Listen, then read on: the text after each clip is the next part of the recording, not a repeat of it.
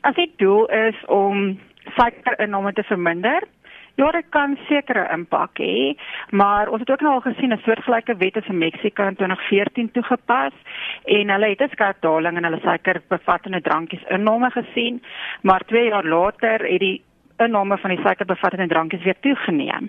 So op die langtermyn is dit nie regtig 'n antwoord nie. Ons probleem is ook as jy kyk die doel van hierdie suikerwet is eintlik om vetsug aan te spreek ook. En vetsug is nie net as gevolg van een faktor nie, dis 'n baie meer komplekse toestand.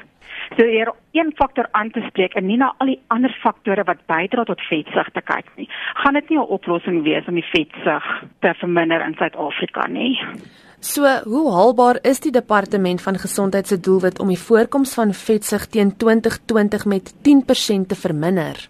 Wel, deur net die suikerbelastingwet toe te pas, dink ek dit is baie haalbaar nie. Hulle gaan definitief weier moet kyk.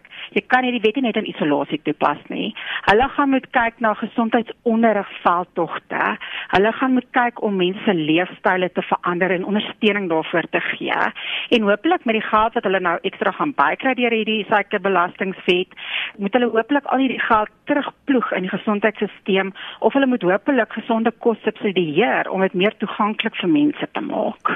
En wat van 'n siekte soos diabetes, sal dit enigsins 'n invloed daarop kan hê? Kyk, dit sal 'n uh, invloed daarop kan hê deur die feit dat dit hopelik iewat van 'n invloed op die vetsug sal kan hê. Ons weet vetsug verhoog jou risiko vir diabetes, hoë bloeddruk, hoë cholesterol en al hierdie verhoog natuurlik jou risiko's vir beroertes en hartaanvalle en hartversaking. So weer eens, ons gaan moet gaan kyk om die vetsug aan te spreek, nie net die suiker nie omdat daar soveel ander faktore is, soos byvoorbeeld mense porsie grootte, jou totale energie-inname vir die dag. Weet jy, suiker in baie gevalle vir baie mense, ja, suikerinname dra verskriklik tot hulle totale inname toe. Weet maar in ander gevalle het ander mense ander faktore wat tot hulle vetsug lei. So weer eens gaan jy dit baie moet individualiseer ook vir 'n persoon. Wat is die gevolge op die menslike liggaam wanneer te veel suiker ingeneem word? Kyk, ek dink die groot ding is oor suiker is dat ja, suiker dra by tot mense totale energie-inname. Die ander probleem is ook dat dit nie mense versadig maak vir al die suikerbevattende drankies. So mense sal baie keer 'n vol ete eet en dan na die tyd dan drink jy 'n suikerbevattende drankie. So dis heeltemal nog energie bo op die kos wat jy geëet het. Natuurlik het dit ook geen voedingswaarde nie. So al eet jy vetsug, kan jy nog steeds van jou nutriënte 'n tekort in hê.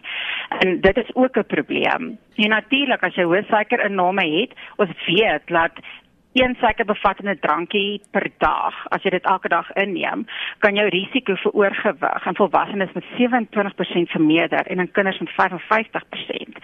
As jy twee suikerbevattende drankies per dag inneem, kan jou risiko om tipe 2 diabetes te ontwikkel met 25% vermeerder. Speel suiker tog 'n rol in die menslike dieet? Ja, nee, daar is altyd plek vir suikerheid in matigheid.